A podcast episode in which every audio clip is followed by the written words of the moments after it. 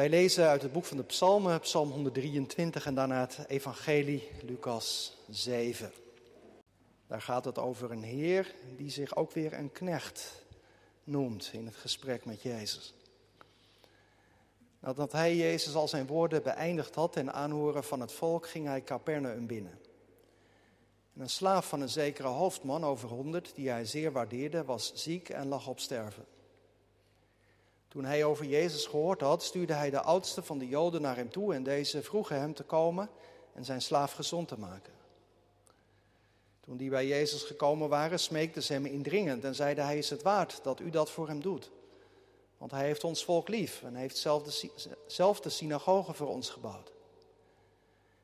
En Jezus ging met hen mee, maar toen hij niet ver meer van het huis was, stuurde de hoofdman enkele vrienden naar hem toe om tegen hem te zeggen: Heere, doe geen moeite, want ik ben het niet waard dat u onder mijn dak komt. Daarom heb ik ook mijzelf niet waard geacht naar u toe te komen, maar spreek een woord en mijn knecht zal genezen zijn. Want ik ben ook iemand die onder gezag van anderen gesteld is. Ik heb zelf soldaten onder mij. Ik zeg tegen de een, ga en hij gaat. Tegen de ander, kom en hij komt. En tegen mijn slaaf, doe dat en hij doet het. Toen Jezus dit hoorde, verwonderde hij zich over hem en hij keerde zich om en zei tegen de menigte die hem volgde: Ik zeg u, ik heb zelfs in Israël zo'n groot geloof niet gevonden.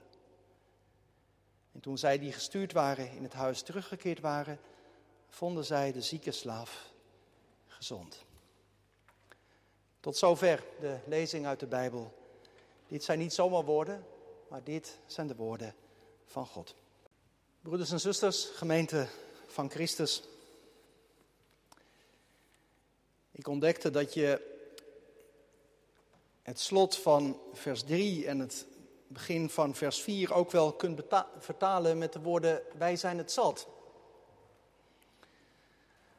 Wij zijn het zat. Wij hebben er helemaal genoeg van. Toen moest ik gelijk wel even denken aan woorden die onze dagen ook veel klinken als het gaat over de omgang met corona. Wij zijn het zat, al die beperkingen, wat een onzin eigenlijk. En zelfs nu de besmettingen toenemen en de ziekenhuizen voller worden en steeds openlijker over een volgende lockdown gepraat wordt, is dat lang niet voor iedereen een wake-up call. Want ik ben tenslotte gezond, ik ben jong, ik wil genieten van het leven en dat virus zal wel meevallen. Wij zijn het zat. Het is opvallend dat deze woorden klinken in de bundel pelgrimsliederen. Ik weet niet wat uw gedachte bij dat soort liederen precies is, maar als je even voorstelt dat die liederen werden gezongen door de mensen die op weg waren naar de tempel in Jeruzalem om feest te vieren. Stel je dat zo voor, zo'n lange stoet en dan bij ieder, dorp dan sloten er weer nieuwe mensen aan. Ja, dat heeft iets heel feestelijks. Samen op weg om feest te gaan vieren. En dus denk je, gaat het om feestelijke liederen, bij die pelgrimsliederen die de mensen samen zongen. Liederen van verlangen naar het huis van God, over hoe, hoe mooi het is om daar te zijn. Het verlangen om samen te zijn daar met eh, broeders en zusters. Over de redding die God geeft. Maar in deze psalm hoor je dus een eh, rauwe kreet. Wij zijn het zat. Meer dan verzadigd zijn we, staat er met verachting, met spot, verachting van de hoogmoedigen. In deze psalm klinkt als het ware een dubbel SOS-signaal. Wees ons genadig, heren, wees ons genadig. Sowieso heel veel herhalingen in dit lied. Kort lied, maar ik weet niet of je dat opviel, maar heel veel woorden die meerdere keren terugkomen. Misschien moet je je even indenken dat iemand met een zware last op haar rug door Babel loopt. De plek waar het Joodse volk naartoe was weggevoerd. Om haar heen klinkt een vreemde taal. En wie haar ziet, die spuugt op haar. De dagen zijn lang, het werk is zwaar. En al zoveel Israëlieten zijn hier ver van Jeruzalem gestorven. Meer dan zat van de verachting, de achterloze spot, de arrogantie. Het kwaad heeft veel gezichten. Er is actief kwaad dat je een ander het leven onmogelijk maakt, een voet dwars zet, pijn doet. Maar hier in dit lied gaat het, dacht ik, vooral om het subtielere kwaad. Om de onverschilligheid, om de achterloosheid. Dat je je schouders ophaalt. Je hart dicht houdt voor wat een ander meemaakt. Spot met een glimlachje. Met een knipoog. En als er één volk is dat daar de eeuwen door mee te maken heeft gehad, dan wel het Joodse volk. Het is een psalm van Israël. In de tijd van de Bijbel lees je er allerlei voorbeelden van. In de tijd van Nehemia bijvoorbeeld werd de tempel opnieuw gebouwd. Er werd gelachen, er werd gespot. Moet moeten jullie nou dat huis weer gaan opbouwen? Wie denken jullie wel dat je bent? Of toen in Babel, waarom geloven jullie eigenlijk nog steeds? Die tempel van jullie is in puin, wat kan die God van jullie eigenlijk beginnen hier? Wat stelt die God eigenlijk voor? Hij heeft niet eens een beeld. En zo ging het de geschiedenis door in Babel, in Rome, in de ghetto's, in het middeleeuwse Spanje, Oost-Europa, de vernietigingskampen uiteindelijk ook, van Nazi-Duitsland. Spotten en honen en soms nog veel erger.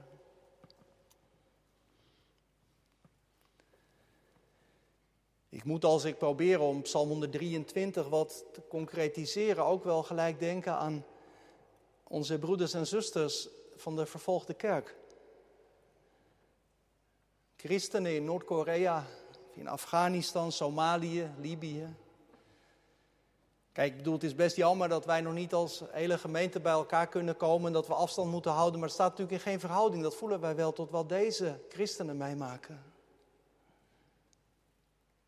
Dat het maar niet ophoudt, de haat en het afluisteren en de werkkampen en het kleineren. Ja, dan komen wij, zeg je misschien, er nog goed vanaf in het Vrije Westen. Nou ja, dat moet je misschien ook niet te snel zeggen. Ik moest denken aan dat verhaal dat een studenten vertelde. Ze zei, ik zou heel graag eerlijk willen zijn tegenover mijn familie, mijn vrienden, mijn studiegenoten, dat ik sinds kort naar de kerk ga. Dat ik als ik daar ben op de een of andere manier tot in het diepst van mijn ziel geraakt word. Maar ik, ik, ik durf het gewoon niet. Want zij geloven alleen maar in de wetenschap. En als ik met hen over probeer te praten, dan voel ik gelijk iets hards, iets onverzettelijks. Ik kan niet aankomen met mijn kwetsbare geloof. Met mijn verlangen naar God.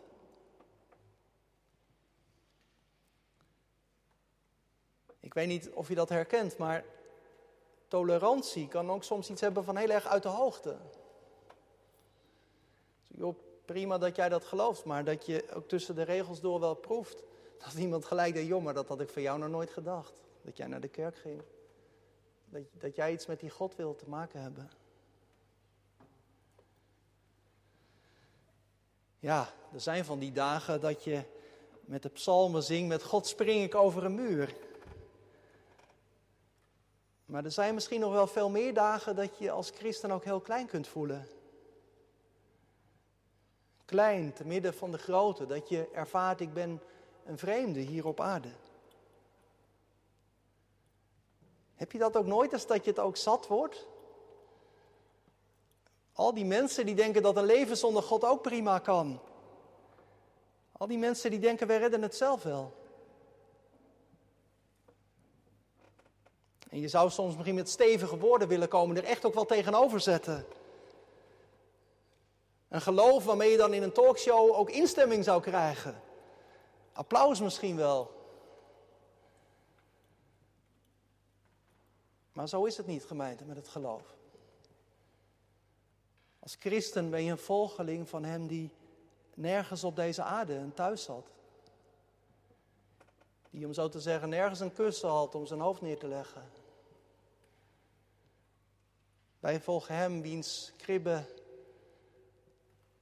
een wieg was en zijn troon een kruis.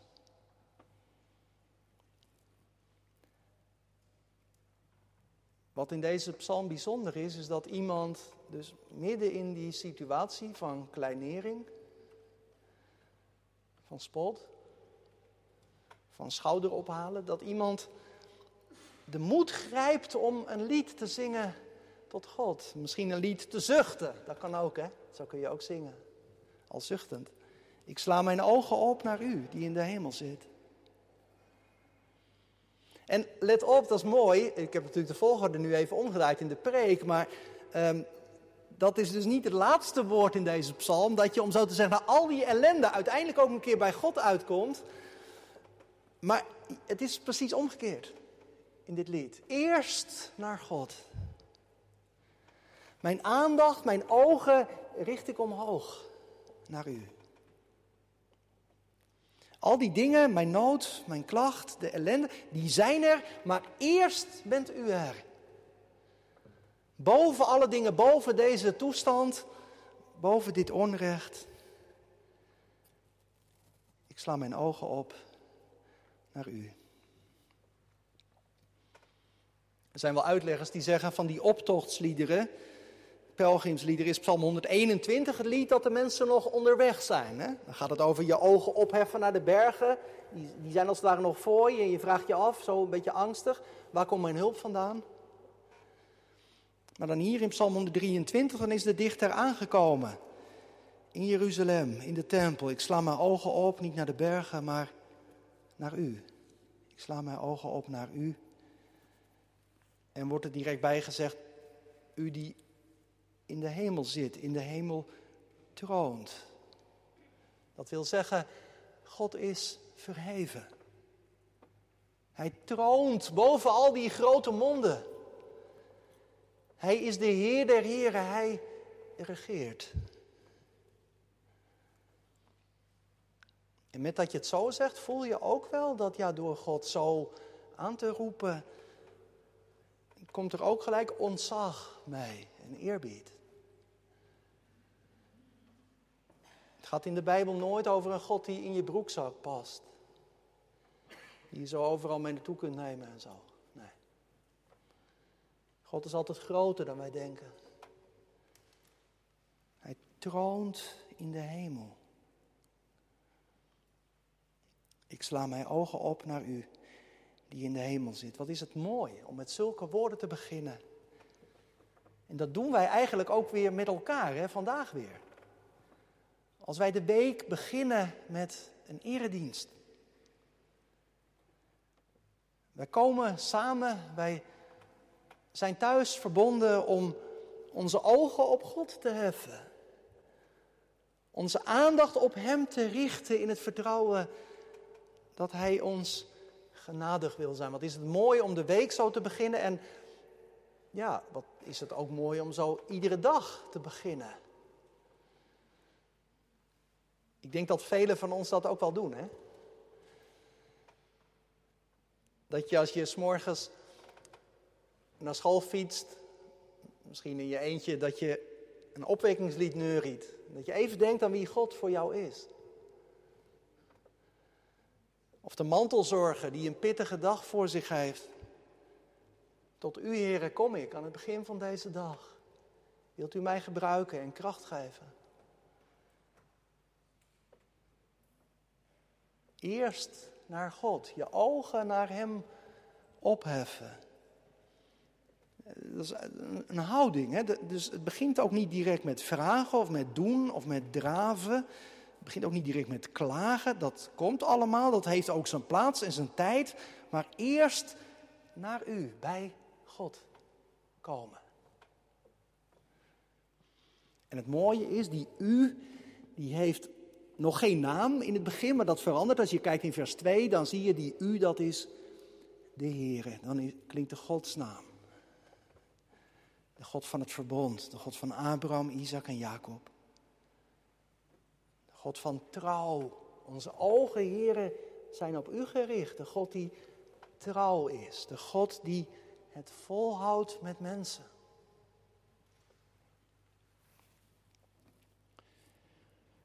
Nu wordt in deze psalm wel een bijzondere vergelijking gemaakt. Dat is je vast opgevallen bij het lezen. Moet je maar kijken in vers 2. Hè? Zie, zoals de ogen van dienaar of van slaven, kun je ook vertalen, gericht zijn op de hand van hun heren. En zoals de ogen van een dienares of een slavin gericht zijn op de hand van haar meesteres. Zo zijn onze ogen gericht op de Heere onze God, totdat Hij ons genadig is. Wat wil dat beeld van die Heer en die slaaf, van die slavin en haar meesteres nou precies zeggen? Voelt, vind ik in eerste instantie een beetje ongemakkelijk. Onze verhouding tot God kun je toch niet vergelijken met de houding van een slaaf tot zijn Heer, of wel? Wij zijn toch geen slaven van God? Nou ja, moet je ook weer niet te snel zeggen misschien, want dat beeld komt in ieder geval ook in het Nieuwe Testament wel terug. Ook, hè? Paulus die zichzelf een slaaf, een dienstknecht van God noemt. Het volk Israël, wat ook zo werd genoemd, een knecht van God. Misschien is het punt vooral dat wij, als het gaat over slavernij, eh, heel snel ook dat beeld hebben van de 18e, 19e eeuwse slavernij in, in Amerika en ook in Europa. Alle verschrikkelijke dingen die daar ook gebeurd zijn. Slaven die echt uitgebuit werden. En kapot geschopt soms ook. Als ze niet precies deden wat hun Heer tegen hen zei. Als je zo'n beeld hebt bij deze psalm, dan kun je hem eigenlijk ook niet goed meer lezen. Hè? Dat voel je wel. Nou, het is goed om te weten dat, dat in Israël ehm, eh, in ieder geval ook door God steeds weer werd opgeroepen om, om goed voor slaven te zorgen. En eh, eens in de zoveel jaar moest je slaven ook weer vrijlaten. Dat was ook een van de wetten van Mozes. Je kon je in het Midden-Oosten, in de tijd dat de psalm ontstond, ook je als slaaf tijdelijk laten verkopen. Om je schulden te kunnen aflossen. Nou ja, dat, dat moet je eigenlijk proberen voor je te zien. Hoe zo'n slaaf staat bij de tafel. Met zijn of haar ogen gericht op de handen van zijn heer, van de vrouw. Van die hand waar je afhankelijk van bent. Die hand die je wenkt om dichterbij te komen. Die je soms een opdracht geeft, maar die, die ook voedsel geeft en kleding. Ik ontdekte dat die hand van de meesteres, waar het hier over gaat in vers 2, dat je die ook in Spreuken 31 tegenkomt. Het loflied op een sterke vrouw. Dan gaat het ook over haar handen die voortdurend aan het spinnenwiel zijn. Ze zorgt voor warme kleding voor wie van haar afhankelijk zijn, staat er. En diezelfde handen die strekt ze uit naar mensen die behoeftig zijn. Nou ja, om allemaal maar duidelijk te maken, het gaat in ieder geval in deze psalm, in de, die typering van die relatie van, van heren en hun knechten, van een, een vrouw en haar dienstknecht, dienstmaag, niet om willekeur. Zo van, je moet het maar zien. Of die hand je streelt, zodat je juist een map krijgt.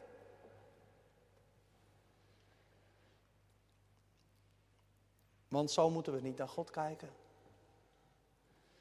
God is geen God van willekeur.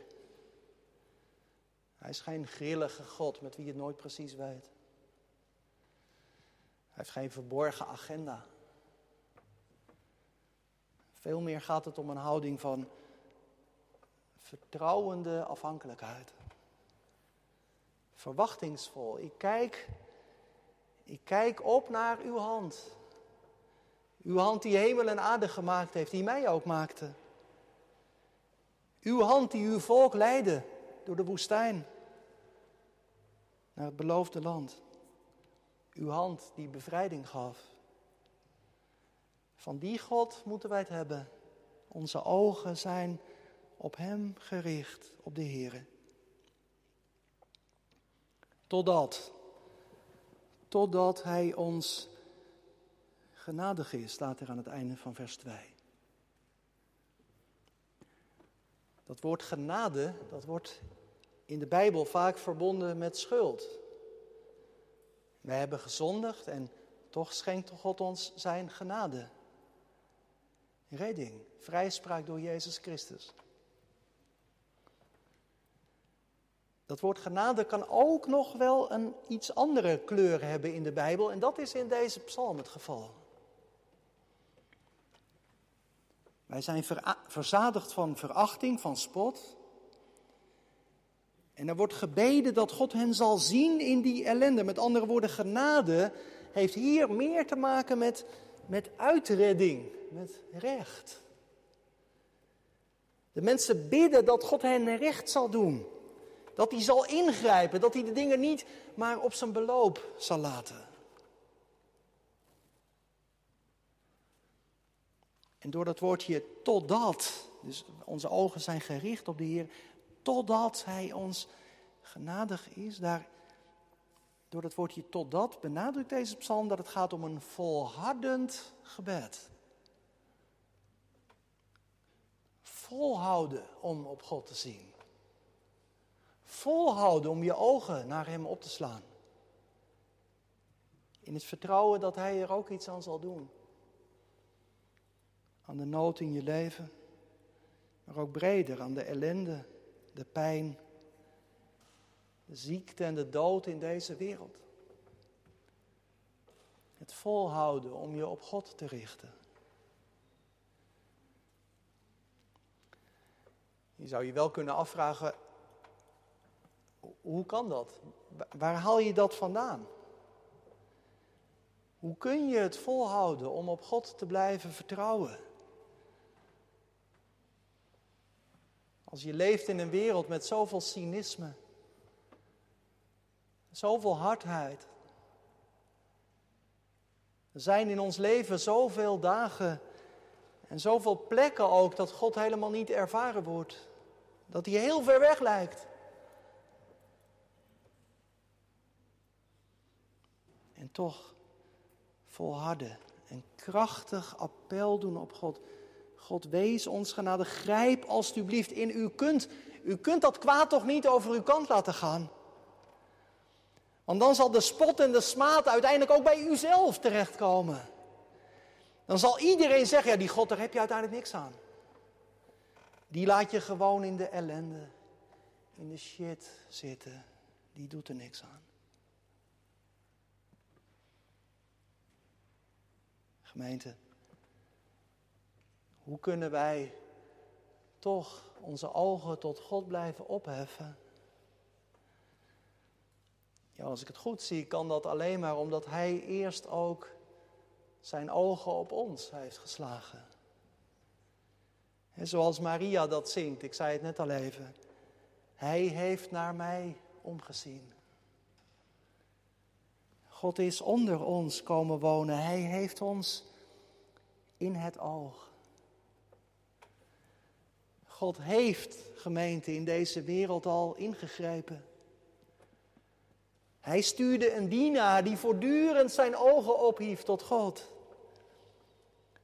Hij stuurde een knecht die zijn meester volkomen vertrouwde. En de spot en de verachting en de haat en het lijden en de pijn. Het kwam allemaal op hem terecht. Hij werd verzadigd van spot, van verachting, van schuld. De mensen keken, om zo te zeggen, allemaal een andere kant op toen ze hem zagen. En zelfs God, toen hij uitriep, mijn God, mijn God, waarom hebt u mij verlaten? Gemeente, zeg nooit, denk nooit dat God er niet van weet wat er gebeurt in deze wereld. Denk nooit dat hij niet weet van jouw ellende. Denk nooit dat hij niet betrokken is bij de pijn en de gebrokenheid in de wereld om ons heen. Hij is er zelf middenin gekomen. Het is hem ter harte gegaan. Het gaat hem ter harte. En eenmaal zal er ook een einde aan komen aan alle kwaad, aan alle lijden. God is gekomen En hij zal komen. Nee, zover is het nu nog niet. Dat is, dacht ik, ook wel wat wij vanuit deze psalm kunnen meenemen. Kijk er niet vreemd van op. Als je te maken krijgt met verzet. Met hoogmoedige mensen die denken dat zij wel zonder God kunnen. En die je laten merken hoe belachelijk ze het vinden dat jij wel naar de kerk gaat. Die je vertrouwen op God stelt. Maar hoe diep je ook kunt zitten, blijf bidden. Blijf bidden totdat God ons genadig is. De genade van die ene knecht van Jezus. En ik blijf het bidden, ook als ik begenadigd ben. Als ik mij vrij weet van schuld. Dan blijf ik bidden om genade, omdat ik die schuld steeds ook weer laat toenemen. Ook als ik mijn kind weet van God. Dan nog bid ik om genade. Dat ik het vol kan houden. Met al die mensen om mij heen. Dat ik het vol kan houden met mijzelf. Met mijn eigen hoogmoed. Wij zijn het zat. Ik dacht met eerbied gezet, God moet het soms ook wel zat worden met ons. Maar toch, het is anders. Hij heeft onze, zijn ogen op ons geslagen. In liefde heeft Hij door zijn zoon naar ons omgezien. En daarom heffen wij onze ogen op tot Hem. In die ene blik is eigenlijk alles gezegd. Wij verwachten het van God. Houd ons vast, begenadig ons. Zodat ik het vol kan houden. Laten wij blijven kijken, gemeente, naar God die in de hemel zit. En als je denkt aan God die in de hemel zit, dan denk je toch tegelijk ook aan Jezus Christus, die daar zit aan de rechterhand van God. Jezus Christus, Hij die voor ons bidt en die eenmaal komen zal om alle dingen nieuw te maken. Amen. Allereerst Psalm 123, een pelgrimslied. Ik sla mijn ogen op naar u die in de hemel zit. Zie zoals de ogen van dienaren gericht zijn op de hand van hun heren, en zoals de ogen van een dienares gericht zijn op de hand van haar meesteres, zo zijn onze ogen gericht op de Heere onze God, totdat Hij ons genadig is. Wees ons genadig, Heere, wees ons genadig, want wij zijn meer dan verzadigd met verachting. Onze ziel is meer dan verzadigd van de spot van de zorgeloze, de verachting van de hoogmoedige. Tot zover de eerste lezing, Lucas 7.